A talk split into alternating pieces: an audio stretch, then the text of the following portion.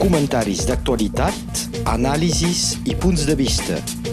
La crònica d'opinió amb l'advocat Pere Beca. Bon dia. Aquesta setmana una sèrie d'esdeveniments esportius ens fan arribar aquesta pregunta. L'esport com tal ha de ser una eina política Recordem que el principal eh, recreador dels Jocs Olímpics, el barró Pere de Cobertín, havia dit que l'important era de participar. Però això era, evidentment, abans que l'esport es converteixi en un espectacle, tal com actualment la política es converteix en un espectacle. És a dir, que des de la civilització de l'imatge, l'esport no és només participació, sinó que també és economia i, d'alguna manera, prestigi nacional. I això en base de què? En base de la competició. Quan mires la definició de l'esport, diu que és una activitat física per jugar, per fer esforços, respectant regles i mm, tinguent un entrenament sèrio. Els anglesos, de seguida, ells parlen de la noció d'equip, de grup, de team. Evidentment que l'esport s'ha convertit en un moviment mundial. No hi ha cap país que no digui que faci esport i gràcies a la televisió i a les xarxes això s'ha desmocratitzat molt. Però en tots els països l'esport ha sigut una manera de fer pensar la gent altres coses eh, que la política i la vida de cada dia. Recordem que en la pròpia guerra del Liban hi havia en el mateix moment una Copa del Món de futbol i que la guerra esperava durant els partits retransmesos per televisió.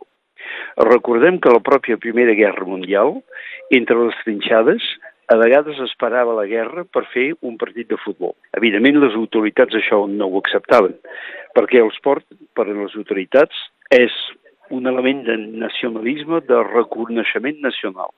Però tanmateix també és el primer element d'integració, en potser l'art és més eh, selectiu, un moviment d'integració popular. L'equip de França de futbol, eh, quan va guanyar el Mundial la primera vegada, eh, era l'equip definida com Black, Blanc, Beur, és a dir, tots, totes les categories eh, representades a l'estat francès. I actualment no hi ha equip que sigui ni de futbol ni de rugbi que no tingui representants de comunitats diferents. I llavors, això podria ser una eina de pacificació, una eina d'integració molt potent. Si no hi havia el desviament per al nacionalisme, això va començar, aquest desviament va començar a través de l'organització dels Jocs Olímpics. Recordem que inicialment els Jocs Olímpics eren a Grècia i que era una competició entre ciutats, sense esprit nacional. Però quan es van recrear els Jocs Olímpics, quan el baron de Coubertin va ressecar això, estàvem en ple moviment de nacionalisme europeu i va ser l'eina principal d'aquest nacionalisme. La competició entre individus, la competició entre ciutats es va convertir en competició entre nacions, que va culminar potser l'any 1936 a Berlín amb els jocs organitzats eh, pels nazis, però que ha anat continuant i continuant amb una proporció increïble, ja que s'ha convertit en la manera per un país de demostrar la seva potència nacional, la seva capacitat organitzadòria i la seva capacitat econòmica. Mirem últimament que siguin els Jocs de Sochi a Rússia o que siguin els últimament a els Jocs d'hivern, que eren únicament fets per demostrar a prejudici total d'ecologia, per demostrar la potència de la Xina. La identificació a través del nacionalisme ha sigut i queda sent un desviament de la idea d'esports. La competició no ha de ser competència, no ha de ser la possibilitat per un estat de convertir, encara que sigui millor fer-ho a través de l'esport que a través de la guerra, però no ha de ser la manera de convertir l'expressió esportiva com una expressió purament nacionalista. L'utilització com símbol mm, unitari pot ser positiva, però pot ser fàcilment desviada. Aquest final de setmana passat, la Roja, l'equip de futbol d'Espanya, ha anat a jugar a Catalunya i ha posat Jordi Alba com capità. Què vol dir això?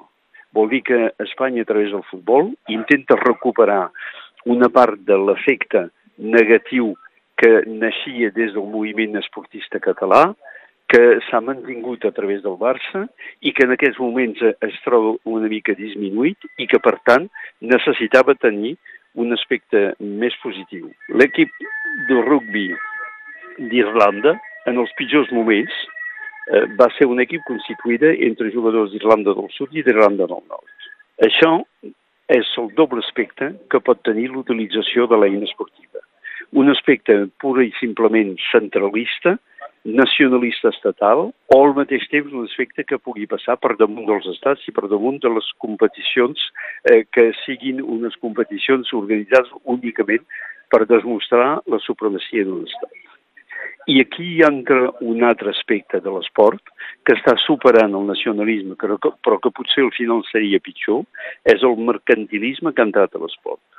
Perquè la nacionalització dels atletes està totalment superada a nivell especialment de grans esports populars com ara el futbol, potser una mica el rugby, està totalment superada per l'eina econòmic. En aquests moments, els equips estan composades de gent vingut de tot el món, gent que tenen una categoria física excepcional, però que s'identifiquen en un club pel moment que estan en, en aquest club, però que poden marxar l'endemà, i que el públic s'identifiquen aquests jugadors tant com estan en aquest club, però quan marxen ja són enemics, ja no són eh, del, del mateix grup.